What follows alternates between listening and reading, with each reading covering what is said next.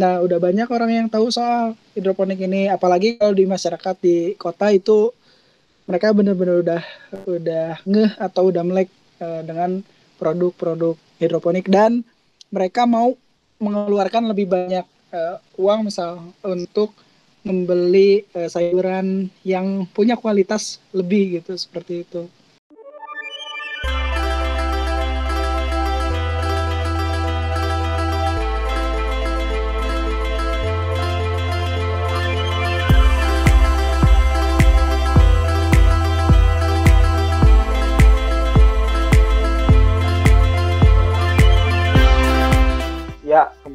Di podcastnya Agropedia. Nah, eh, di sini episode kali ini kita akan membahas mengenai eh, pertanian modern dan juga kami telah mengundang narasumber yang berkompeten di, di bidangnya. Saya juga di sini ditemani oleh teman-teman saya ada Kang Risman dan Topa. Uh, teman-teman agrotekar di sini kita akan uh, uh, sharing bersama narasumber membahas hidroponik itu apa dan sebagainya gitu. Nah, uh, di sini juga sudah uh, hadir narasumber kita yaitu Kang Asais. Beliau uh, aktivis sekaligus founder dari Hijau ID. Nah, saya mau uh, ya sapa dulu nih. Halo Kang Azais. Hai, Assalamualaikum warahmatullahi Waalaikumsalam warahmatullahi wabarakatuh. Waalaikumsalam warahmatullahi Bagaimana kabarnya Kang? Alhamdulillah sehat. Gimana Pinggi, Risman dan yang lainnya sehat? Alhamdulillah sehat Kang. Alhamdulillah. Alhamdulillah. Nah Kang, uh, di masa pandemi ini selain berhidroponik itu apa yang dilakukan eh pertama selain hidroponik kan jualan ikan juga ikan nila. Terus budidaya ikan nila juga. Kesehariannya sih nggak jauh-jauh dari kegiatan eh, pertanian gitu ya.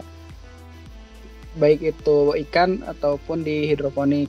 Jualan sayuran hidroponik juga ya tapi alhamdulillah eh, rencananya sekarang lagi apa lagi rintis buat bikin bikin kafe gitu ya. Bikin kopi resto di Pagrageng gak terlalu gede. Ini eh, apa usaha sama saudara saudara. Jadi sampai sekarang masih garap itu eh, hidroponik kemudian budidaya ikan jual beli budi, eh, ikan kemudian eh, sama itu garap kafe gitu. Ngomong-ngomong eh, itu apabila nanti sudah jalan kopinya bolehlah saya sebagai supplier kopinya gitu ya. Boleh saya, saya juga uh, ya, ya sekarang gitu. lagi siap siap nanti itu mah di, di lain waktu ngobrolnya ya mungkin siap. kembali lagi ke topik yang akan uh, kita bahas hari ini gitu ya nah hmm. uh, mungkin Kang coba seringkan dulu gitu ya mau uh, ceritakan dulu gitu bagaimana asal muasal akang ini uh, terjun gitu terjun ke mengenali budaya hidroponik gitu. Uh, awalnya sih lihat-lihat di apa di media sosial ya di YouTube ada rekomendasi video apa video budidaya tanaman uh, secara hidroponik atau yang nggak pakai tanah gitu. Awalnya sih memang cukup apa ya cukup uh, penasaran gitu karena belum sama sekali tahu ada uh, metode atau cara menanam tanpa menggunakan tanah uh, dan juga disebutkan bahwa apa di video itu sekitar 90% penggunaan air bisa di apa bisa direduksi gitu ya dari uh, budaya secara konvensional. Nah, dari situ uh, dari informasi tersebut, dari rekomendasi video tersebut setelah ditonton ternyata menarik juga gitu ya. Kita bisa menanam di mana saja tanpa harus uh, menggunakan media tanah. Yang penting medianya itu bisa apa bisa menyimpan uh, cukup air gitu untuk tanaman. Uh, saya coba praktekkan di apa di uh, bulan Juni ta tahun 2016 sekitar 2016 tapi belum apa belum saya terapkan dengan skala yang besar gitu. Saya cuma coba uh, memanfaatkan bahan-bahan yang ada di sekitar dari styrofoam bekas nasi bungkus uh, saya coba bikin apa bikin uh, wadah untuk nutrisi itu kemudian pakai netpot dan ya saya ikuti tutorial yang ada di berbagai media sosial juga saya nanya-nanya ke orang yang udah lebih dulu gitu terjun di dunia hidroponik salah satunya pemilik atau founder dari Song Hidroponik Respati di Singaparna Kang Adi Hidroponik. Beliau yang pertama kali secara langsung uh, ngasih tahu tentang bagaimana budidaya hidroponik gitu. Kalau nggak salah dulu juga pertama kali beli nutrisi dari beliau dari Kang Adi. Latar belakang pendidikannya bukan apa bukan uh, di bidang pertanian tapi ketertarikannya terhadap bidang pertanian uh, luar biasa gitu, terutama pertanian uh, kekinian, pertanian yang uh, soilless farming gitu ya tanpa tanah seperti itu. Awalnya uh, terjun di dunia hidroponik itu mungkin semester sekitar semester 3 semester 3 saat kuliah uh, di apa di agro gitu. Nah, Kang, berarti kalau dihitung dari tahun 2016 sampai sekarang sudah hampir empat tahun mungkin ya akan berjibaku di dunia hidroponik. Iya bisa dibilang begitu empat tahun uh, mempelajari hidroponik baik secara apa secara uh, praktek maupun secara teori karena uh, hampir setiap ada apa ada kegiatan pelatihan baik itu untuk pemula ataupun yang tingkatnya lebih apa lebih uh, tinggi biasa saya ikuti gitu di berbagai daerah juga. Uh, kalau apa kalau dikatakan full empat tahun enggak juga karena kan ada beberapa kegiatan yang memang saya lakukan juga gitu ya uh, kuliah kemudian apa uh, jualan dan lain sebagainya gitu. Belajar berusaha. Uh, dulu kan juga di apa di semester semester empat lima enam itu kan gara rack maker juga gitu ya. Uh, furnitur gitu. Jadi nggak secara full benar-benar empat tahun. Tapi memang uh, di berbagai program program pemberdayaan masyarakat yang apa yang uh, menerapkan hidroponik uh, juga ikut gitu. Terus kalau misalkan ada kegiatan KKN kemudian kegiatan uh, pemberdayaan-pemberdayaan kegiatan CSR dari beberapa uh, instansi saya suka ikut juga gitu. Pernah waktu itu uh, ikut mendampingi di pesantren gitu ya. Uh, programnya program uh, ponpes mandiri pangan gitu. Seperti itu. Jadi ya cukup lumayan lah cukup lama uh, berkecimpung di apa di dunia hidroponik. Uh, sampai sekarang alhamdulillah sudah ada sekitar lebih dari 20 uh, apa kenalan atau klien atau konsumen yang memang uh, pesan apa pesan uh, instalasi hidroponik gitu ya. Dan sampai sekarang masih uh, berkomunikasi berkaitan dengan uh, budidaya hidroponik. Ada yang memang jadi mitra mitra juga yang menyuplai sayuran kalau misalkan dari saya kosong dari mitra uh, bisa disuplai gitu atau sebaliknya seperti itu. Itu mungkin Wah, so Ah, iya, masya Allah, udah berkembang pesat mungkin ya. Nah, menurut Akang sendiri gitu ya, uh, selain dari perbedaan media tanamnya, uh, perbedaan antara budidaya hidroponik dengan konvensional tuh terletak di bagian apa aja sih Kang? Uh, perbedaannya yang paling kontras tadi media tanam gitu ya. Uh, yang paling kontras kalimat atau kata kata kuncinya soilless gitu. Jadi enggak, hidroponik itu nggak pakai tanah. Yang penting medianya itu inert atau medianya yang tidak mengandung uh, apa namanya nutrisi atau kandungan unsur hara lain gitu benar-benar pure gitu ya nah perbedaan lain yang cukup apa yang cukup uh, kontras di antara metode konvensional dengan hidroponik efisiensi penggunaan air gitu ya dan nutrisi. Nah di apa di lahan konvensional air yang digunakan kan selain diserap tanaman ada juga yang menguap ada juga yang uh, apa run off gitu ya ada yang uh, terserap uh, ke dalam tanah gitu ya jadi air tanah nah itu uh, bila dibandingkan sama di beberapa jurnal yang pernah saya baca dan artikel yang pernah dibaca uh, sekitar 90% efisiensi penggunaan air seperti itu di hidroponik. Kita bisa hitung uh, pengalaman saya di apa saat praktek. Jadi untuk satu tanaman sayuran daun itu menghabiskan satu liter larutan nutrisi gitu ya. Itu udah uh, mengandung sekitar uh, 1200 ppm dari larutan nutrisi ada dari mulai uh, nutrisi makro ke nutrisi mikro seperti itu. Itu perbedaan yang uh, saya lihat cukup kontras gitu dari efisiensi penggunaan air dan nutrisi. Kalau dari segi hasil sebetulnya relatif di apa di konvensional. Kalau misalkan benar dari segi perawatannya itu hasilnya juga akan bagus gitu nah tapi di hidroponik ini kelebihannya kalau misalkan apa e, karena terukur benar-benar terukur kebutuhan nutrisinya jadi kita bahas, bahkan bisa tentukan e, misal untuk kadar kadar kemanisan atau break levelnya kita bisa tune e, di tuning gitu ya atau kita tentukan misal untuk e, melon. Nah kita ingin e, tidak kurang dari 15 kadar kemanisannya atau e, break levelnya nah, itu kita bisa bisa atur e, nanti tinggal dari komposisi uh, nutrisi mana yang memang mempengaruhi kadar kemanisan dari uh, produk apa produk uh, buah hidroponik tersebut itu produk melon tersebut kayak gitu. Wah menarik sekali Kang.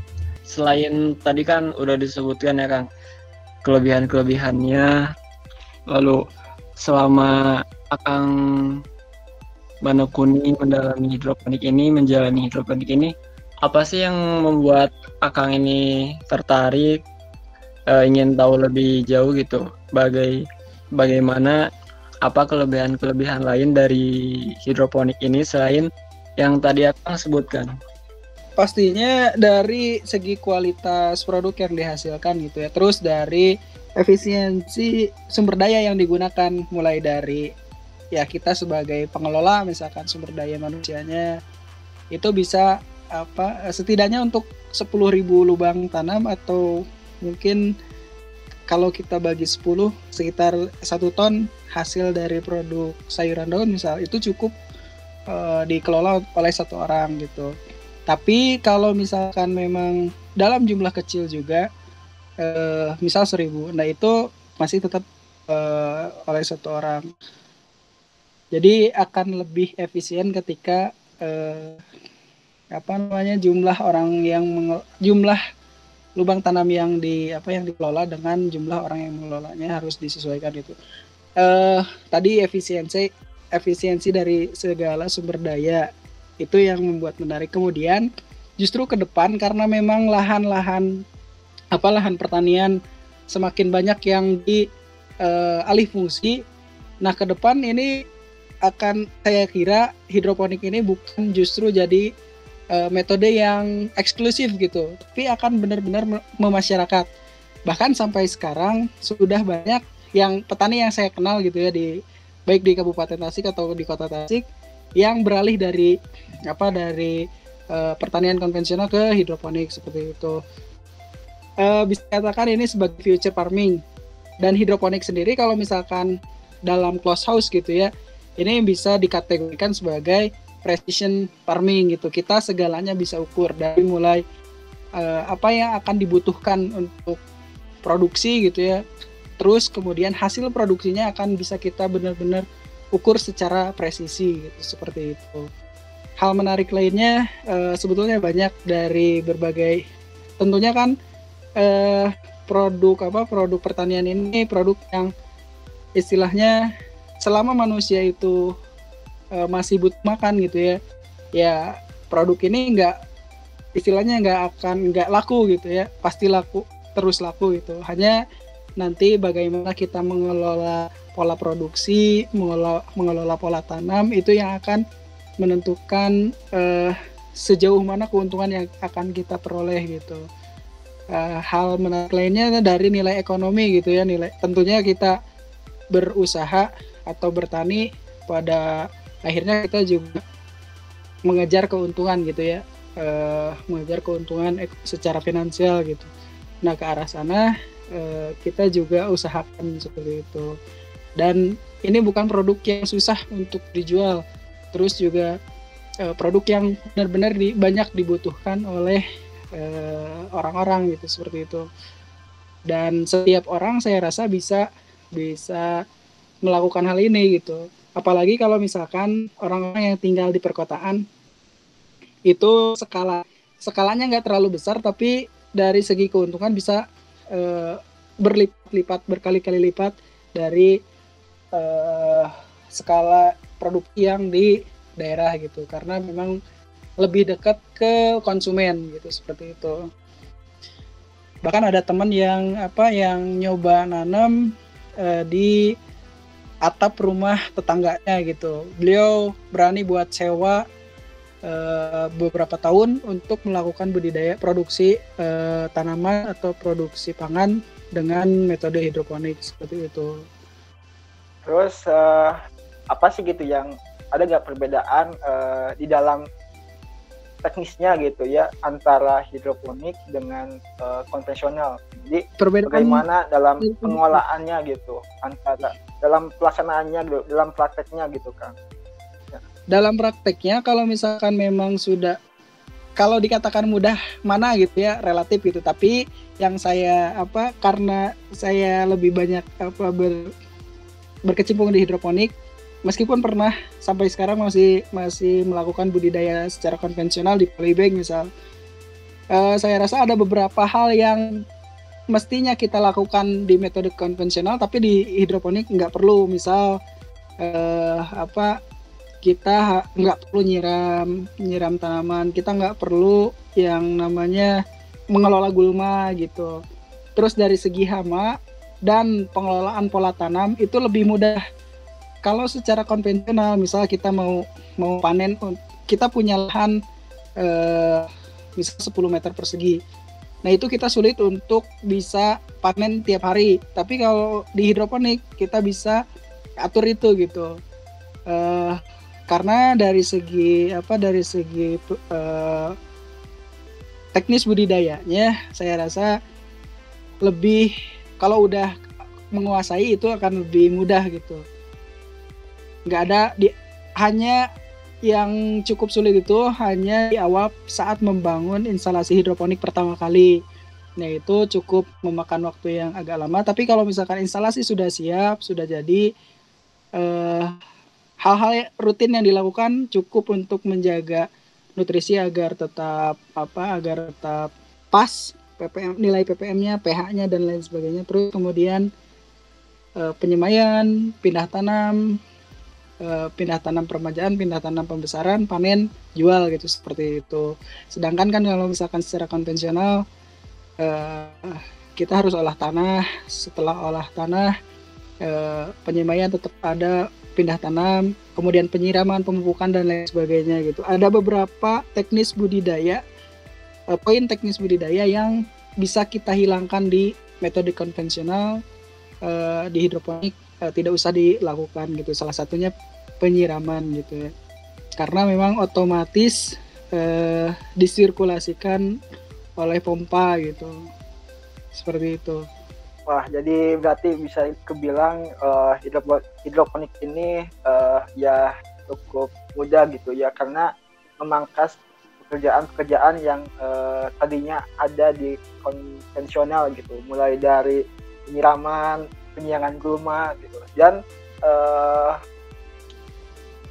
pengolahan air juga uh, dapat dengan baik gitu ya terus yeah, uh, betul. ya bisa menghasilkan tanaman ya ya menghasilkan tanaman yang bersih mungkin ya karena tidak menggunakan uh, media tanam uh, dari tanah gitu ya jadi betul, lebih betul. lebih bersih gitu apalagi kalau misalkan metode yang digunakan berhidroponiknya udah pakai IoT gitu, Internet of Things. Jadi secara otomatis eh, pengaturan pH, pengaturan ppm, terus kemudian penambahan air dan lain sebagainya itu udah bisa terkontrol dari eh, apa dari gadget dari HP gitu ya.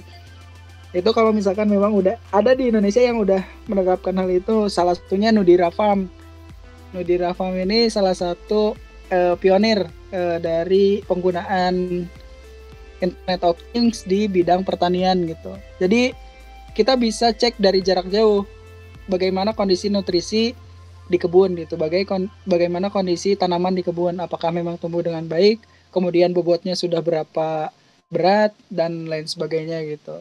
Itu sudah terkontrol. Cuma kelemahannya karena memang eh, apa alat-alat yang dibutuhkan di saat pertama kali kita buat instalasi hidroponik itu cukup investasi yang kita butuhkan eh, ya cukup besar gitu, dibandingkan dengan eh, apa budidaya secara konvensional seperti itu.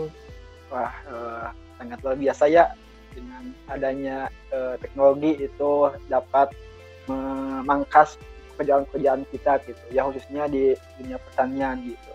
Nah, apa ada hal yang yang paling penting gitu di hidroponik itu apa yang perlu diperhatikan gitu? Supaya nanti hasilnya itu ya maksimal gitu. Sejauh Tidak, ini yang saya tahu yang memang sangat perlu diperhatikan adalah eh, apa ketersediaan air gitu dan nutrisi. Konsentrasi uh, nutrisi larut larutan nutrisi. Kalau misalkan parahnya ini kalau misalkan uh, sebetulnya kalau kalau ada penurunan kepekatan dari nutrisi itu nggak apa-apa. Uh, hanya saja mungkin nanti ada sedikit perubahan rasa ataupun ada sedikit perubahan struktur dari tanaman itu sendiri. Misal bolting ada harusnya roset gitu ya. Semua daun bertumpu pada satu titik di batang. Ini batangnya memanjang. Nah itu e, penyebab dari misal e, penurunan kepekatan nutrisi dan dari pengaruh e, suhu gitu tapi kalau yang paling penting lagi yang menyebabkan tanaman itu bisa e, mat, layu bahkan mati itu ketersediaan air dan e, apa dan hidup atau enggak ada ada atau enggaknya listrik gitu ya kalau misalkan pakai pompa kalau misalkan pakai yang sistem eh, apa aliran tipis gitu itu enggak aman kalau misalkan dalam sehari hidup pompanya nah kan air enggak bisa disuplai ke akar itu pernah kejadian eh, ada kebocoran di eh, di tanda nutrisi kemudian kosong airnya larutan nutrisinya Nah itu hampir semuanya layu dan layunya layu permanen gitu. Jadi nggak bisa ini lagi nggak bisa hidup lagi gitu. Udah mati aja harus diganti semuanya dan harus uh, instalasinya diperbaiki seperti itu. Sebetulnya nggak meskipun disebut tadi hal tadi air uh, penting gitu ya, tapi faktor-faktor lain kalau misalkan memang kita menginginkan hasil yang maksimal kita harus memaksimalkan segala faktor yang yang berpengaruh mulai dari uh, larutan nutrisi, pH, suhu dan lain sebagainya gitu. Faktor-faktor itu harus kita uh, sesuaikan dengan kebutuhan tanaman. Ketika semuanya optimal, hasilnya pun akan optimal maksimal gitu. Wah, berarti hal yang penting itu ya air gitu ya, karena air hmm. itu uh, untuk menyusun gitu menyusun uh, tanaman uh, tanaman terus kita juga sebagai manusia uh, kebanyakan komposisinya itu ya uh, air gitu uh, nah betul. terus kang terus kang uh, di hidup di hidroponik ini ada ada gak metode-metodenya mungkin uh, macam-macam metodenya gitu jenis-jenis uh, hidroponiknya mm -mm. jenis sistem di dalam hidroponik Me hidroponik itu adalah metode atau cara menanam nah, gitu ya. ya. Nah, variasinya, variasi di hidroponik atau kita sebut jenis sistem di hidroponik ada berapa gitu ya. Secara umum dibagi dua. Ada aliran apa uh, ada yang tergenang dan ada yang uh, disirkulasikan gitu. Ada yang tidak disirkulasikan, ada yang disirkulasikan. Salah satu contoh yang uh, sistem yang tidak disirkulasikan adalah uh, sistem rakit apung atau uh, di dunia di secara global kita kenal sebagai floating raft gitu ya rakit apung. Nah ada juga yang sistem week. Sistem week ini biasanya dipakai untuk uh, yang benar-benar baru memulai hidroponik. Itu biasa dipakai. Tadi salah satu saya pertama juga pakai apa? Pakai sistem week. yang pakai sistem sumbu gitu ya kemudian ada kalau apa kalau yang bergerak yang disirkul, disirkulasikan ada NFT nutrien film teknik kemudian ada DFT di uh, flow teknik kemudian ada uh, and flow jadi pasang surut kemudian masih banyak lagi ada yang sistem vertigasi atau sistem vertical irrigation atau ada yang sistem tetes dan lain sebagainya. Nah, eh, yang pada dasarnya semuanya tidak menggunakan media tanah. Ada yang menggunakan media seperti tanah, contoh kokopit ya. Dari segi apa fisik selintas terlihat seperti tanah padahal bukan itu adalah eh, limbah dari pengolahan serabut kelapa yang dibersihkan dulu sehingga itu bisa dikategorikan sebagai media inert atau media yang tidak mengandung uh, unsur hara atau nutrisi lain gitu seperti itu. Jadi nutrisi yang akan dikasih uh, bisa terukur seperti itu. Kalau Kang uh, dari awal sampai sekarang itu uh, sudah memakai sistem apa aja gitu? Ada sekitar 1, 2, 3, 4 yang pernah dipraktekkan yang pertama tadi sistem wick pakai sumbu. Itu sumbunya bisa pakai kain flanel, bisa kain biasa atau pakai sumbu bekas kompor misal kompor minyak. Itu bisa kita gunakan. Yang penting nanti eh, air atau larutan nutrisi bisa sampai ke akar bisa terserap. Itu satu pertama. Kemudian yang kedua eh, sistem DFT deep flow teknik uh, itu hampir sama itu yang disirkulasikan hampir sama seperti NFT, cuma bedanya ketebalan dari aliran nutrisinya agak tebal, deep ya agak dalam maksudnya. Jadi kalau misalkan itu aman dari segi apa? Dari segi uh, kalau misalkan kita mati mati listrik itu masih tetap aman karena masih ada genangan nutrisi gitu di di sistem. Nah, selanjutnya NFT. NFT yang pernah saya praktekkan juga itu yang keempat ya. Uh, week, sistem week, DFT, NFT oh yang ketiga. NFT ini yang sampai sekarang masih saya lakukan gitu NFT karena dari semua yang pernah saya coba ini saya rasa yang memang hasilnya bagus kemudian dari segi waktu lebih cepat uh, sesuai dengan beberapa artikel dan juga jurnal yang saya baca gitu. Kalau dari segi kecepatan pertumbuhan, NFT yang paling bagus karena ketersediaan oksigen terlarut atau dissolve oksigennya lebih banyak. Kemudian eh, rakit apung, rakit apung juga pernah saya coba.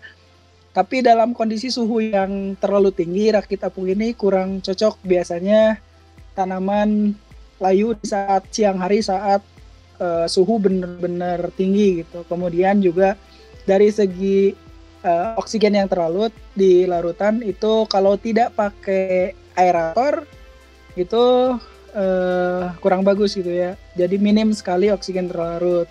Tapi kalau misalkan sirkulasi oksigen apa uh, aeratornya bagus itu akan tetap bagus. Terus kemudian satu dua tiga empat. Oh berarti lima sama Dutch bucket. Nah Dutch bucket ini cocok untuk tanaman sayuran buah. Tomat kemudian uh, buah melon terus kemudian uh, timun. Intinya yang tanaman-tanaman sayuran buah gitu atau buah-buahan yang merambat. Itu Dutch bucket. Tapi yang pernah saya praktekkan untuk Dutch bucket ini ke tomat cherry.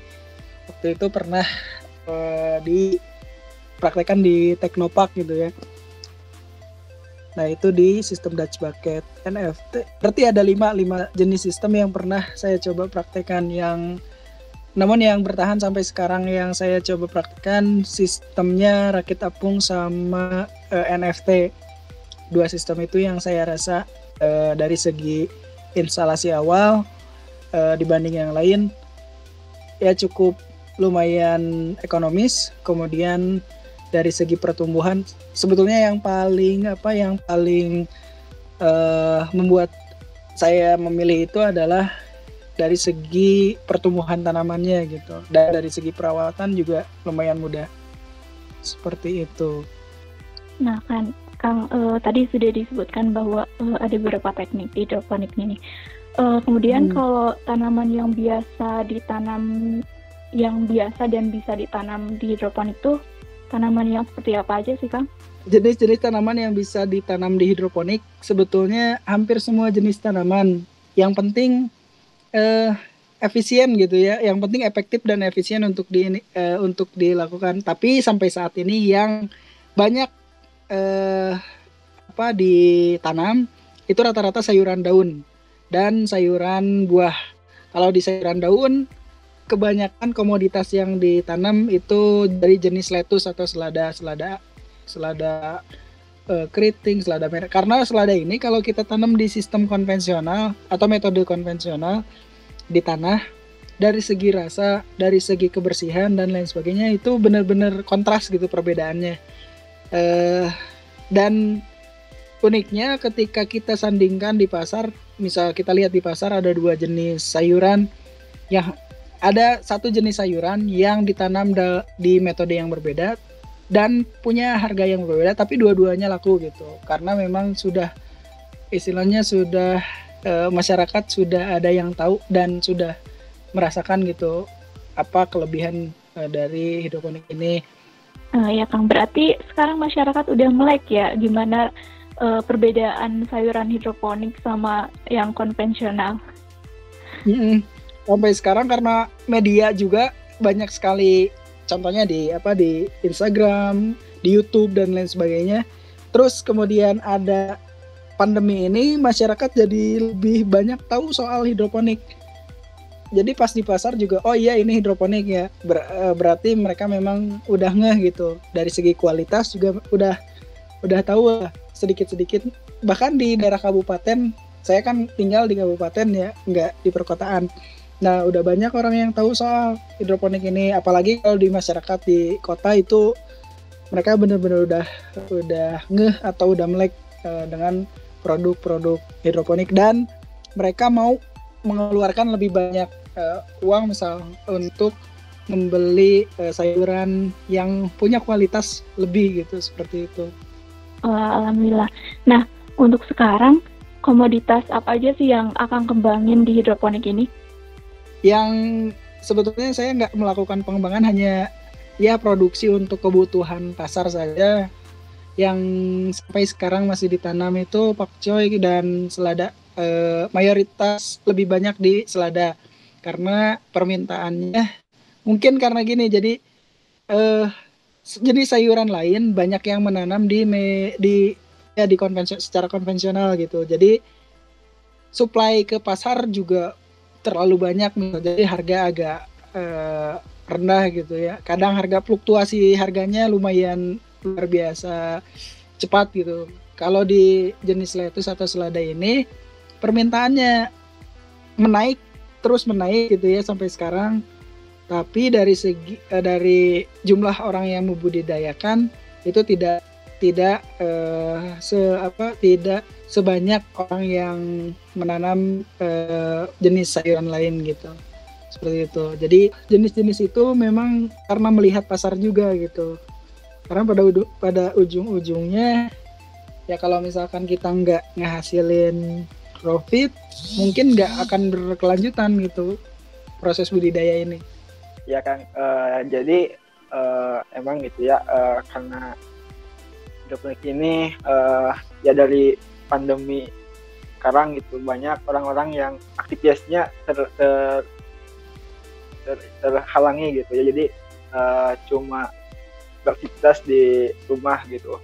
Dan ya kebanyakan uh. orang itu uh, talinya talinya ke dalam dunia pertanian gitu ya. Itu baik di uh, hidroponik terus di uh, penanaman peran rumah gitu. Jadi uh, selama pandemi ini emang uh, uh, orang-orang itu ya mendapat ilmu baru gitu ya mengenai uh, pertanian gitu. Salah satunya ya ini hidroponik gitu.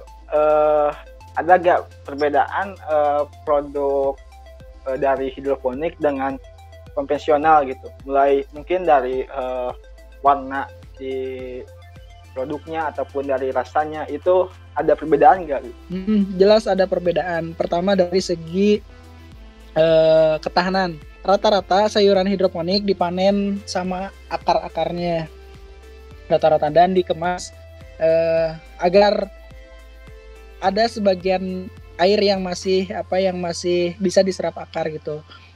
Jadi kalau misalkan kita dari segi ketahanan ini sekitar satu minggu saya uh, yang saya praktekkan untuk jenis lada misal saya panen dengan akar kemudian saya kemas itu sekitar seminggu masih masih daunnya masih segar paling ada bagian terluar dari daun itu sedikit menguning. Nah, kalau misalkan uh, produk yang secara konvensional uh, tentunya karena memang jika pun diambil sama akarnya karena medianya tadinya di tanah dan tidak uh, menyimpan air gitu ya.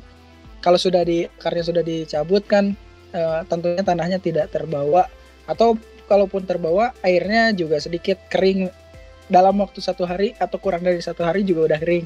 Makanya itu masih uh, dari daya tahannya uh, apa kalau secara konvensional uh, sangat sebentar gitu. Dan itu benar-benar uh, fakta di lapangan di pasar produk yang disandingkan gitu ya. Dua tadi satu jenis produk sama-sama selada, cuma yang satu ditanam secara hidroponik, yang satu konvensional di tanah itu terlihat sekali itu ya dari segi ketahanan yang satu mau udah layu. Misal di kalau kita kirim dua-duanya sama di jam yang sama jam 6 pagi nah itu di siang hari jam 1 yang konvensional udah kelihatan agak layu gitu. Terus dari segi rasa nah dari segi rasa eh, kalau di hidroponik karena kita bener-bener ukur gitu uh, komposisi dari uh, jenis nutrisi yang masuk ke tanaman. Jadi dari segi rasa bisa kita bisa kita uh, istilahnya bisa kita atur. Kalau di tanah karena memang ketersediaan berbagai nutrisi baik mikro maupun makro, terutama mikro gitu ya yang uh, banyak mempengaruhi terhadap uh, rasa dari apa dari tanaman itu sendiri. Nah itu banyak nutrisi yang belum bisa kita ketahui gitu. Kalau tidak dianalisis kan kebanyakan petani saya rasa nggak menganalisis dulu uh, apa uh, tanahnya gitu ya. Ada berapa gram misalkan jenis uh, nutrisi mikro uh, unsur hara mikro kemudian makro dan lain sebagainya. Nah jadi dari segi rasa juga agak sulit untuk bisa dikontrol gitu. Kebanyakan kalau selada ya khusus untuk spesifik selada dari segi rasa agak pahit biasanya yang uh, ditanam secara konvensional. Meskipun di hidroponik uh, kadang juga ada rasa agak pahit tapi tidak tidak uh, sepahit di konvensional gitu. Kalau untuk selada.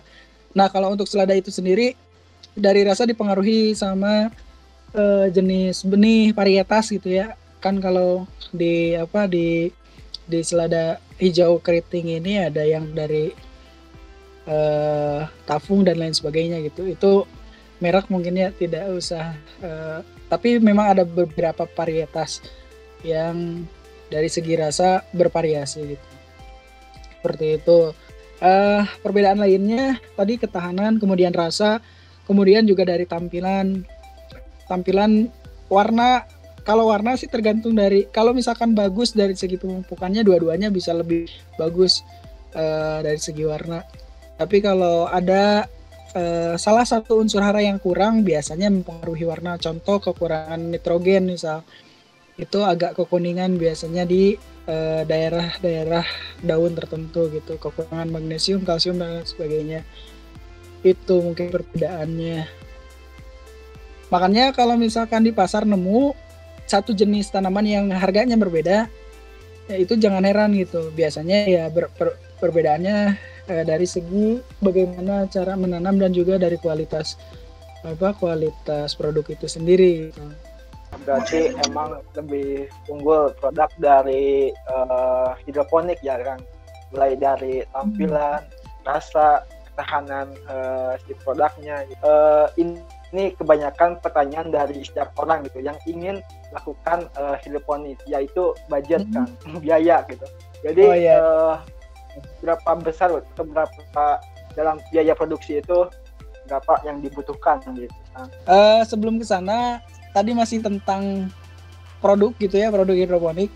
Uh, ada statement gini pernah saya temukan statement oh jangan konsumsi sayur hidroponik pupuknya juga kimia semua gitu nggak ada hidroponik yang produk eh, apa pupuknya pakai organik nah sebetulnya secara umum semua tanaman meskipun mau itu organik kemudian yang dikatakan organik mau itu hidroponik atau yang lainnya sebetulnya yang diserap oleh tanaman itu sama-sama unsur atau zat kimia gitu ya nitrogen, fosfat, kalium dan lain sebagainya. Hmm, itu kan nutrisi makro dan mikro semuanya unsur kimia. Nah, persepsi ini perlu diluruskan. Yang berbahaya itu justru adalah bahan kimia yang tidak diproses atau tidak dimetabolisme oleh tanaman itu sendiri, tidak diubah menjadi bagian-bagian yang uh, dibutuhkan oleh manusia. Contoh jadi bagian uh, daun, misalkan di daun kan ada ada apa? Ada glukosa, ada uh, serat, ada le ada bahan-bahan lain, ada protein bahkan dan lain sebagainya. Nah, uh, bahannya tersebut dikatakan sebagai residu gitu ya. Salah satu residu itu sebetulnya uh, ada karena adanya penyemprotan perlakuan penyemprotan untuk mengusir hama misal dan itu tidak sesuai dosisnya terlalu tinggi. Nah itu yang memang bikin uh, tanaman uh, tidak sehat untuk dikonsumsi. Bukan karena justru bahan bahan yang diserap oleh tanaman itu adalah bahan kimia, karena semua uh, apa semua jenis tanaman yang ditanam secara hidroponik ataupun secara konvensional semuanya adalah uh, bahan kimia gitu yang diserap.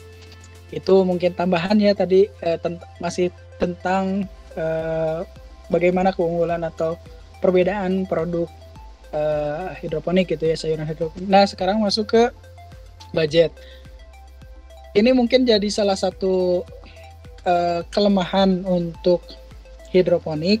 Tapi kalau misalkan kita hitung investasi dalam jangka waktu yang cukup lama, bila dibanding, bila di uh, komparasi gitu ya, itu bisa dikatakan justru lebih murah hidroponik. Hanya di awal mungkin kalau misalkan skalanya besar contoh kita mau eh, skala untuk panen untuk selada ya ini saya membicarakan spesifik untuk selada mau panen 10 kilo per hari itu tentunya kita butuh setidaknya kalau misalkan bobot yang kita panen untuk satu tanaman adalah 100 gram atau satu on berarti kan harus ada 10 kilo kali harus ada 100 lubang tanam yang bisa kita panen setiap hari. Kalikan 30 berarti 3000. Berarti ada 3000 lubang tanam yang harus kita uh, buat gitu ya agar bisa panen 10 kilo per harinya. Dan 3000 lubang tanam itu uh, kita butuh lebih dari ya mungkin 15 juta rupiah gitu ya untuk bisa uh, produksi hidroponik. Cuma kalau misalkan kita mau memulai uh, memulai penasaran gitu ya gimana sih sebetulnya tanaman bisa tumbuh tanpa tanah? Itu dengan hanya biaya kita beli apa beli benih kemudian beli uh, nutrisi itu juga udah. Benih dan nutrisi cukup beli benih dan nutrisi itu kita bisa udah bisa praktekkan gitu. Praktekkan bagaimana cara menanam dengan hidroponik. Dan dengan bahan-bahan ada styrofoam bekas dan lain sebagainya bisa kita manfaatkan plastik tapi kalau misalkan udah menginjak kita mau arahnya arah ke usaha ya perlu ada skala yang yang perlu kita tentukan gitu. Seperti contohnya kalau misalkan udah pasar pasti bisa menerima 10 kilo per hari, ya kita usahakan bisa panen 10 kilo per hari gitu dari jumlah lubang tanamnya, dari jumlah yang kita tanam tiap hari dan lain sebagainya. Nah, eh, tadi kan harus kita bandingkan gitu ya dengan yang metode konvensional. Nah, kalau di metode konvensional uh, biasanya biaya 8 juta itu bisa uh, kita alokasikan untuk luasan tanah serat, sekitar 100 bata gitu ya. Uh, untuk jenis tanaman tertentu salah satunya mungkin untuk jenis tanaman timun kita perlu untuk 100 bata itu kita perlu sekitar 8 jutaan. Kalau di apa kalau di banding-banding sebetulnya justru uh, apa kalau kita analisis ya pakai analisis uh, kelayakan usaha gitu ya itu lebih lebih apa lebih murah di uh, hidroponik. Hanya biaya investasi awal saja yang memang cukup besar gitu. Kalau di konvensional kan ketika kita panen harus kita olah tanah lagi. Dan olah tanah itu biaya apa biaya uh, HOK-nya ya cukup lumayan besar. Terus kemudian biaya-biaya lainnya gitu.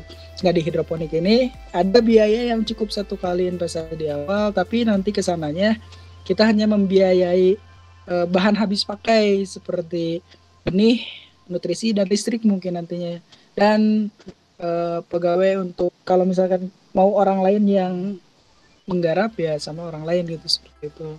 Dengan dana 20.000 juga boleh karena memang ada sekarang kan udah ada yang jualan benih repack misal eh, lima ribuan kemudian uh, nutrisi nutrisi yang sekitar lima belas ribu lima belas ribu sama lima ribu udah udah bisa mulai gitu. Tinggal kita cari uh, penampung nutrisinya apa kemudian penopang tanamannya apa medianya apa seperti itu. Menarik kang. Jadi gak perlu gak perlu banyak keluar biaya ya untuk bisa memulai berhidroponik gitu? Untuk bisa memulai mah nggak perlu dua puluh ribu juga cukup gitu ya. Bahkan kurang dari dua puluh ribu bisa kalau mau memulai untuk berhidroponik. Tapi kalau mau memulai untuk usaha di hidroponik ya cukup investasinya cukup lumayan besar gitu. Bahkan uh, sebetulnya hidroponik juga di, bisa diterapkan untuk bonsai mungkin ke depan. Bisa bisa saja kan saya mau nanya nih. Boleh, boleh. di televisi itu saya lihat ada selain umumnya kan hidroponik itu pakai medianya air ya. Tapi hmm. dalam tayangan di televisi itu saya lihat ada media lain gitu selain air seperti uh, ada sekam bakar, kemudian rock wall, kemudian uh, yang batu-batu tanah liat bulat itu apa ya namanya? Nah itu hidro, tuh hid, penggunaannya hidro. bagaimana Kang? Apakah berdasarkan jenis tanamannya ataupun sistemnya seperti apa Kang? Mm, betul, jadi jenis-jenis media yang digunakan itu tergantung nanti jenis tanaman yang akan kita tanam. Kalau untuk jenis sayuran daun rata-rata e, menggunakan rock wool ya kebanyakan mayoritas menggunakan rockwool mau itu yang skalanya kecil sampai skala yang benar-benar uh, industri ya komersial itu pakai rockwool terus kalau hidroton biasanya dipakai untuk tanaman yang perakarannya lebih uh, besar gitu ya. Akarnya lebih banyak. Contohnya tadi tomat cherry nah itu pakai hidroton. Terus uh, sekam bakar sama kokopit pitmos misal pitmos uh, itu biasanya digunakan untuk tanaman-tanaman yang merambat gitu. Bisa melon, misal terus sistemnya irigasi tetes gitu. Nah kalau rokok sendiri biasanya digunakan untuk beberapa sistem NFT, kemudian rakit apung dan lain sebagainya.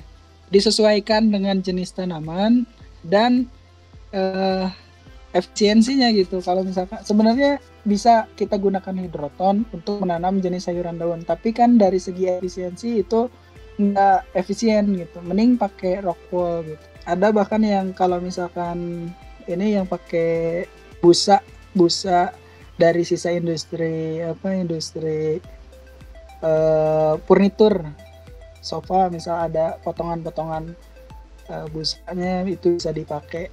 Mungkin Risman pernah bisa sharing pernah nah, Kang, uh... pakai apa pernah pakai nutrisi hidroponik buat apa buat ininya buat bonsainya. Belum belum pernah sih untuk nyoba itu. Hmm. mungkin harus segera dicoba. Hmm, ke depan boleh coba. Nanti kalau misalkan pengen bagian batang yang diperbesar misal oh perlu perlu jenis nutrisi apa gitu dalam jumlah berapa banyak misal seperti itu. Atau kalau misal di, mau dibuahkan uh, bonsainya ya nutrisi apa yang digunakan gitu. Karena memang bisa di apa bisa diatur gitu ya komposisinya. Nah kang uh, kalau hidroponik ini gimana sih pasarnya gitu? Kan tadi ya sebagian sebagian sudah di di dijawab mungkin ya. Hmm. nah uh, ini uh, pengalaman akang nih uh, yang sudah ya memproduksi uh, produk pertanian dengan hidroponik gitu itu sudah sampai mana gitu pasarnya kang pas sudah hmm. masuk supermarket atau uh, ke mana gitu kang untuk pasar ada pasar tradisional juga masuk, ada pasar ke perorangan dan juga ada ke uh, tukang ayam goreng. Karena ini spesifik dulu bicara di apa yang saya produksi gitu ya. Uh, pakcoy sama selada gitu. Karena yang lainnya saya belum belum tahu gitu. Jadi saya bicara tentang apa yang memang saya sudah praktekkan dan saya tahu gitu. Nah untuk selada itu sendiri tadi ada yang pasar tradisional ada yang ke perorangan kemudian ada yang ke warung-warung nasi uh, ayam bakar dan ayam goreng. Tapi belum terlalu banyak. Pasar masih terbuka luas untuk produk ini. Uh, pernah dengar juga kalau misalkan yang di kota Tasik Cikurubuk itu seharinya bisa sampai 100 kilo untuk serapan apa serapan selada bokor, selada keriting hijau gitu ya. Cuma tentunya fluktuasi ada fluktuasi tentu untuk uh, yang namanya komoditas uh, seperti ini permintaannya nggak stabil gitu ya. Tentu ada turun naiknya. Nah kalau sejauh ini yang yang saya lakukan tadi ketiga itu kalau ke pasar tradisional itu yang pilihan yang terakhir sebetulnya kalau misalkan udah mentok di uh, perorangan dan di apa di warung-warung atau rumah makan itu udah udah apa udah di, udah terpenuhi tapi masih ada barang. Sebetulnya masih untuk pasar Ciawi masih keteteran gitu ya permintaan belum bisa dipenuhi setiap hari. Bahkan digabung dengan yang punya mitra Mitra kan punya sekitar 2100-an juga ada yang punya 1000 lubang. Nah, itu belum bisa terpenuhi gitu. Hanya saja kalau ke pasar tradisional harga agak uh, apa agak rendah gitu ya. Meskipun tidak tidak sama dengan produk yang konvensional. Itu harga selada bokor untuk pasar biasanya pasar, pasar tradisional itu menerima 15.000 dan dijual 18.000 kayak gitu per kilonya untuk selada hijau atau paling rendah 12.000 pernah 12.000 untuk pasar tradisional dan harga ke konsumennya sekitar 18.000 sampai 20.000 ada yang lebih dari itu. Tergantung kondisi ini sih apa suplainya. Kalau misalkan banyak yang kirim biasanya agak murah. Tapi untuk selada ini nggak terlalu sering berubah-ubah. Hampir setiap hari sama gitu. Masih terbuka luas kalau memang mau apa mau untuk memulai memulai untuk uh, budidaya tanaman secara hidroponik. Hanya tinggal tinggal lihat aja ke pasar produk apa yang paling sering dibeli orang dan suplainya tidak begitu banyak orang yang bisa sediakan gitu. Nah, salah satunya ya selada yang orang tidak terlalu banyak bisa sediakan produk ini, tapi permintaannya konstan bahkan meningkat. Ada warung yang dibuka eh, salah satu rumah makan yang baru buka di Mangkubumi Kamandara. Nah Kamandara juga kan sekarang kita perkembangan ininya perkembangan kulinernya kan cukup cukup ini ya cukup di Kota Tasik cukup cepat ada yang baru biasanya ya permintaan barang ya juga meningkat gitu kalau misalkan ada peningkatan uh, dari orang yang jualan jualan ayam bakar ayam goreng biasanya dipakainya untuk untuk penjual-penjual seperti itu. Wah, berarti pasar dari uh, produk Gilbert ini masih luas gitu ya Kang? Masih, masih terbuka. Banyak peluang uh, untuk grup di media sosial ya di Facebook misal. Masih ada beberapa yang membutuhkan gitu. Padahal apa saya tahu orang itu udah udah punya kebun cukup gede lebih dari kapasitasnya mungkin bisa panen lebih dari 50 kilo per hari. Cuma meskipun demikian kadang di apa di grup itu suka menanyakan ada yang ada yang siap kirim nggak gitu. Ada masih ada sering kayak gitu. Artinya kan supply belum benar-benar terpenuhi secara maksimal. Hanya tinggal berbicara masalah harga saja gitu yang harus di apa dipertimbangkan.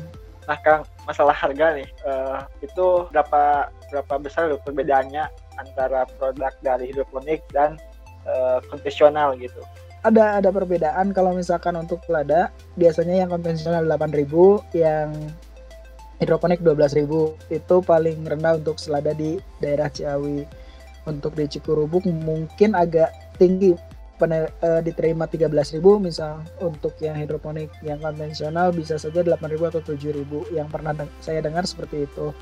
Untuk produk lain kayak pakcoy terus ya produk yang uh, sudah apa sudah banyak produsen di konvensional biasanya nggak terlalu bahkan hampir sama gitu kalau pakcoy saya rasa hampir sama untuk pakcoy saya pernah jual pakcoy uh, yang hidroponik 6000 jadi 6000 per kilo. Jadi mereka penjual nggak nggak mau tahu soal itu hidroponik atau enggak. Lihat barangnya sama kalau misalkan bagus sama ya sama aja gitu harganya karena banyak yang produksi kecuali kalau selada karena mereka tahu benar-benar udah tahu apa kelebihannya uh, lebih tahan gitu ya. Karena resiko dari penjual sayur itu kan perishable gitu ya mudah rusak. Nah kalau yang produk hidroponik ini nggak nggak mudah rusak gitu. Jadi ya mereka juga berani buat beli lebih apa lebih mahal gitu. Untuk yang lainnya yang saya tahu nggak terlalu di pasar tradisional gitu ya nggak terlalu beda jauh. Tapi kalau kita jual ke perorangan yang memang udah tahu uh, ada beberapa pelanggan yang suka beli itu per satu tetap seper satu tanaman uh, sekitar 100 gram atau satu on seper 10 kilo harganya 3000 berarti kalau dikalikan sekilo sekitar 30 ribuan per kilo.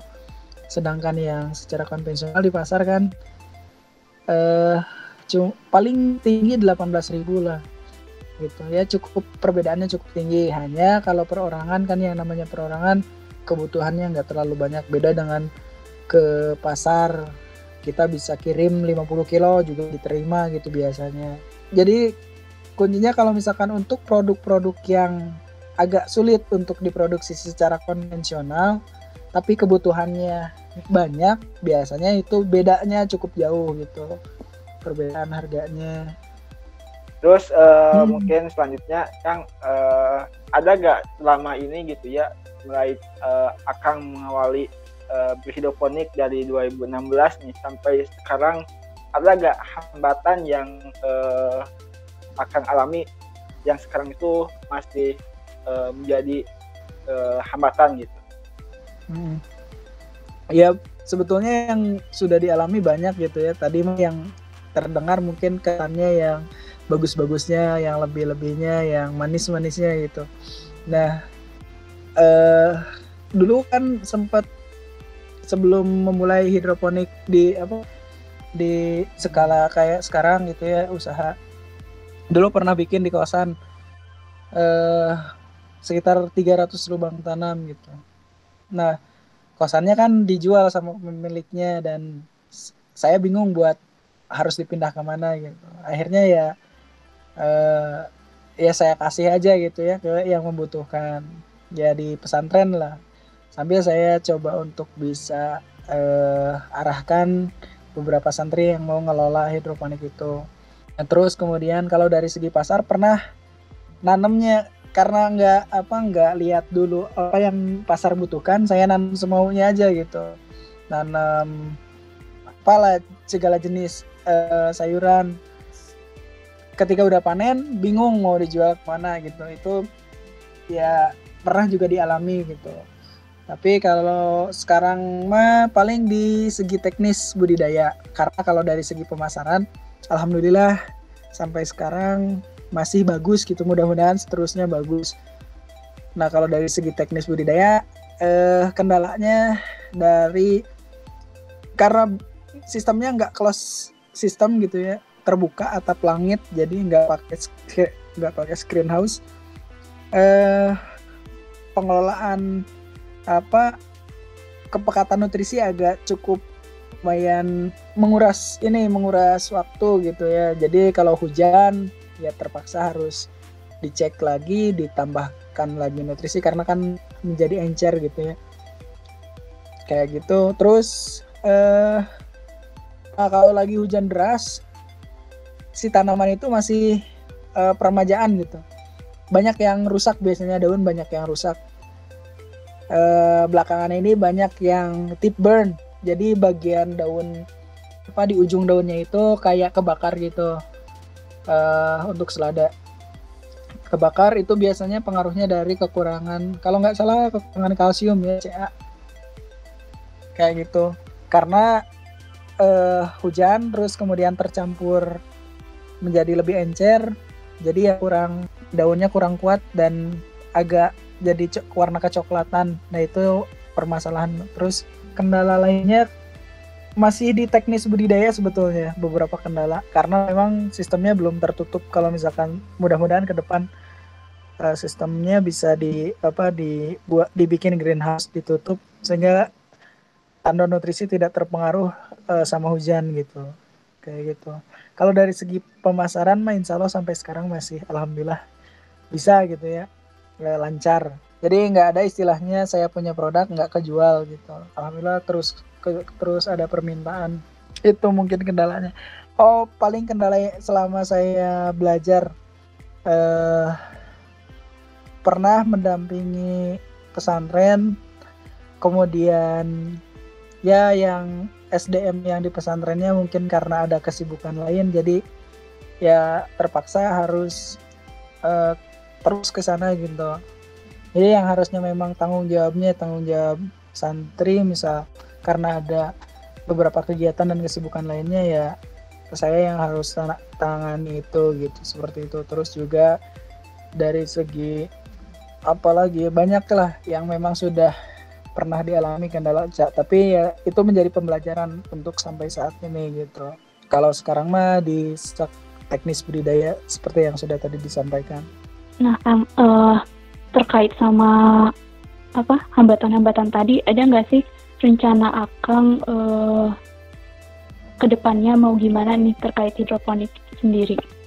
Ya, harapannya ke depan uh, ini kan skala yang saya buat sudah uh, skala usaha gitu ya.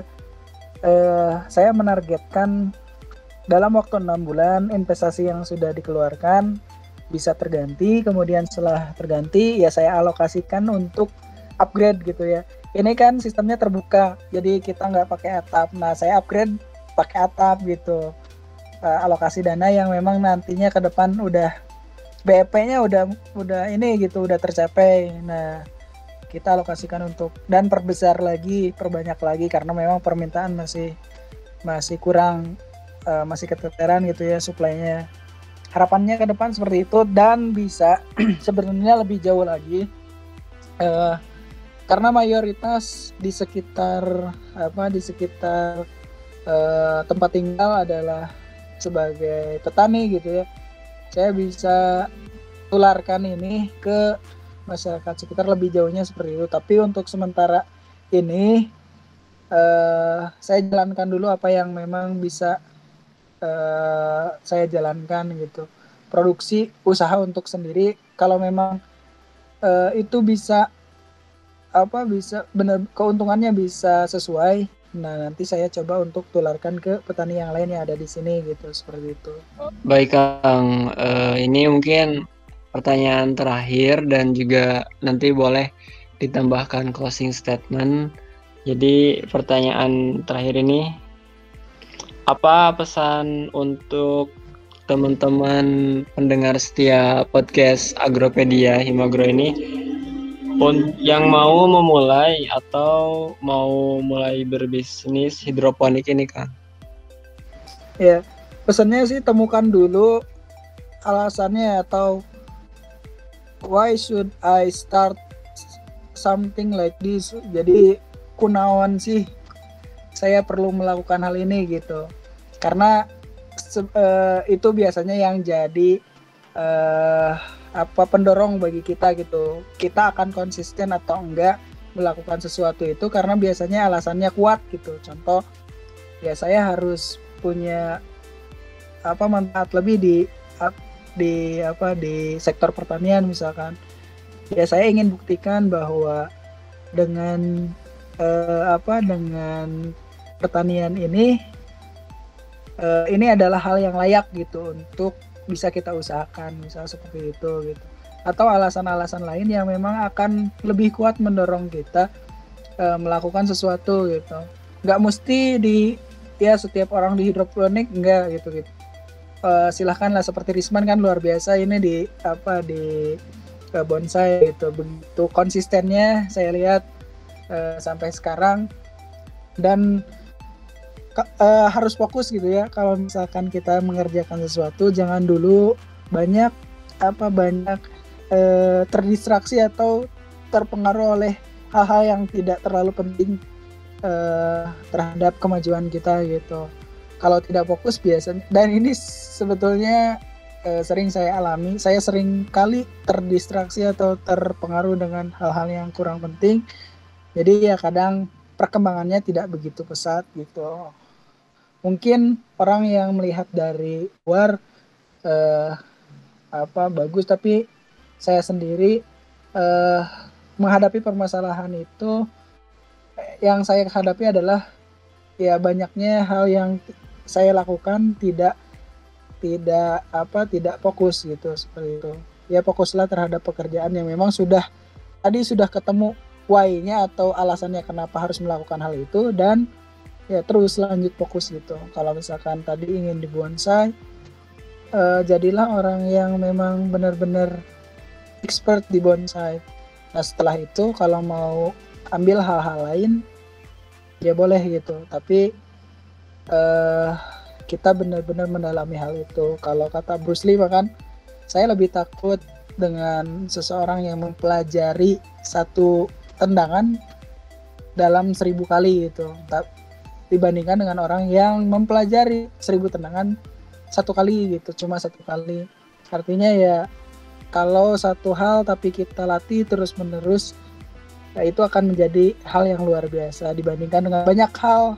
Tapi hanya satu kali satu kali gitu. Misalnya mencela mencela ya nggak bagus ke sananya seperti itu. Uh, fokus pesannya kemudian konsisten dan temukan alasannya apa gitu. Biar ya konsisten tadi bisa tercipta. Itu mungkin pesannya. Setuju sekali kang. Uh, bagus. Saya juga merasakan seperti itu bahwa uh, harus menemukan alasan yang kuat kenapa kita mau melakukan hal ini supaya kalau sudah menemukan alasannya itu nantinya akan bertahan lama dan mungkin juga dalam perjalanannya nanti akan ada banyak hal yang mengganggu gitu menggoyahkan fokus kita tapi uh, ke kembali lagi pada awal kita memulai pada hmm. alasan kita memulai seperti itu hmm. setuju sekali kang bagus bisa dibaca buku start, mungkin start from why dari Simon Sinek biar tahu tentang ya tentang why kita harus melakukan sesuatu yang uh, kita perjuangkan gitu. Ya, boleh lanjut gimana gimana? Ya, terima kasih atas tadi saran bukunya. Nanti saya coba cari tahu. Oke, terima kasih Kang udah menyempatkan waktunya berbagi dengan kita di podcast Agropedia ini. Semoga apa yang uh, akan sampaikan akan bagi di sini bisa bermanfaat bagi para pendengar. Amin, amin. Dan semoga usaha ke depannya Kang ini dalam bidang hidroponik bisa semakin semakin sukses dan selalu sukses. Semoga teman-teman semua juga semakin sukses dan bisa menemukan apa yang memang harus dikerjakan oleh teman-teman. Bisa sukses dalam apa yang teman-teman kerjakan juga. Ya, mungkin uh, untuk perbincangan kali ini sangat luar biasa sekali gitu ya. Uh, dengan uh, pembicara kali ini, narasumber kali ini yang uh, uh, expert di di hidroponik gitu. Amin. juga jawaban-jawabannya sudah lengkap gitu ya, rinci gitu. Ya mungkin uh, cukup sekian ya gitu, podcast untuk episode kali ini gitu. Uh, mudah-mudahan uh, apa yang kita bicarakan ini dapat bermanfaat bagi pendengar uh, pendengar setia Agropedia. Amin, amin. Nah, uh, mungkin terima kasih. Ya. Terima kasih Sama, Kang Asais uh, setelah menyempatkan waktunya gitu ya untuk sharing uh, mengenai hidroponik gitu kan. Siap, sama-sama. Selalu Kang uh, di di hidroponiknya dan di usaha barunya gitu ya. Amin, amin. Semoga yang saya ceritakan uh, bisa tercapai terwujud gitu. Amin, amin. Sekian dari podcast kali ini karena sudah waktunya gitu ya kan. Iya enggak uh, cukup ini ya udah cukup ya ya ya ini ke ke keenakan uh, ngobrol gitu kan jadinya nggak nggak inget waktu. Ya uh, mungkin ditutup aja. Sekian dari saya sebagai membawa acara di podcast kali ini dan teman-teman uh, saya Lisman dan Copa gitu. Terima kasih sekali lagi pada Kang Sais sebagai sumber uh, podcast episode kali ini. Sama-sama. Kurang lebihnya mohon maaf. Sampai jumpa, Kang. Sampai jumpa. Assalamualaikum. Waalaikumsalam.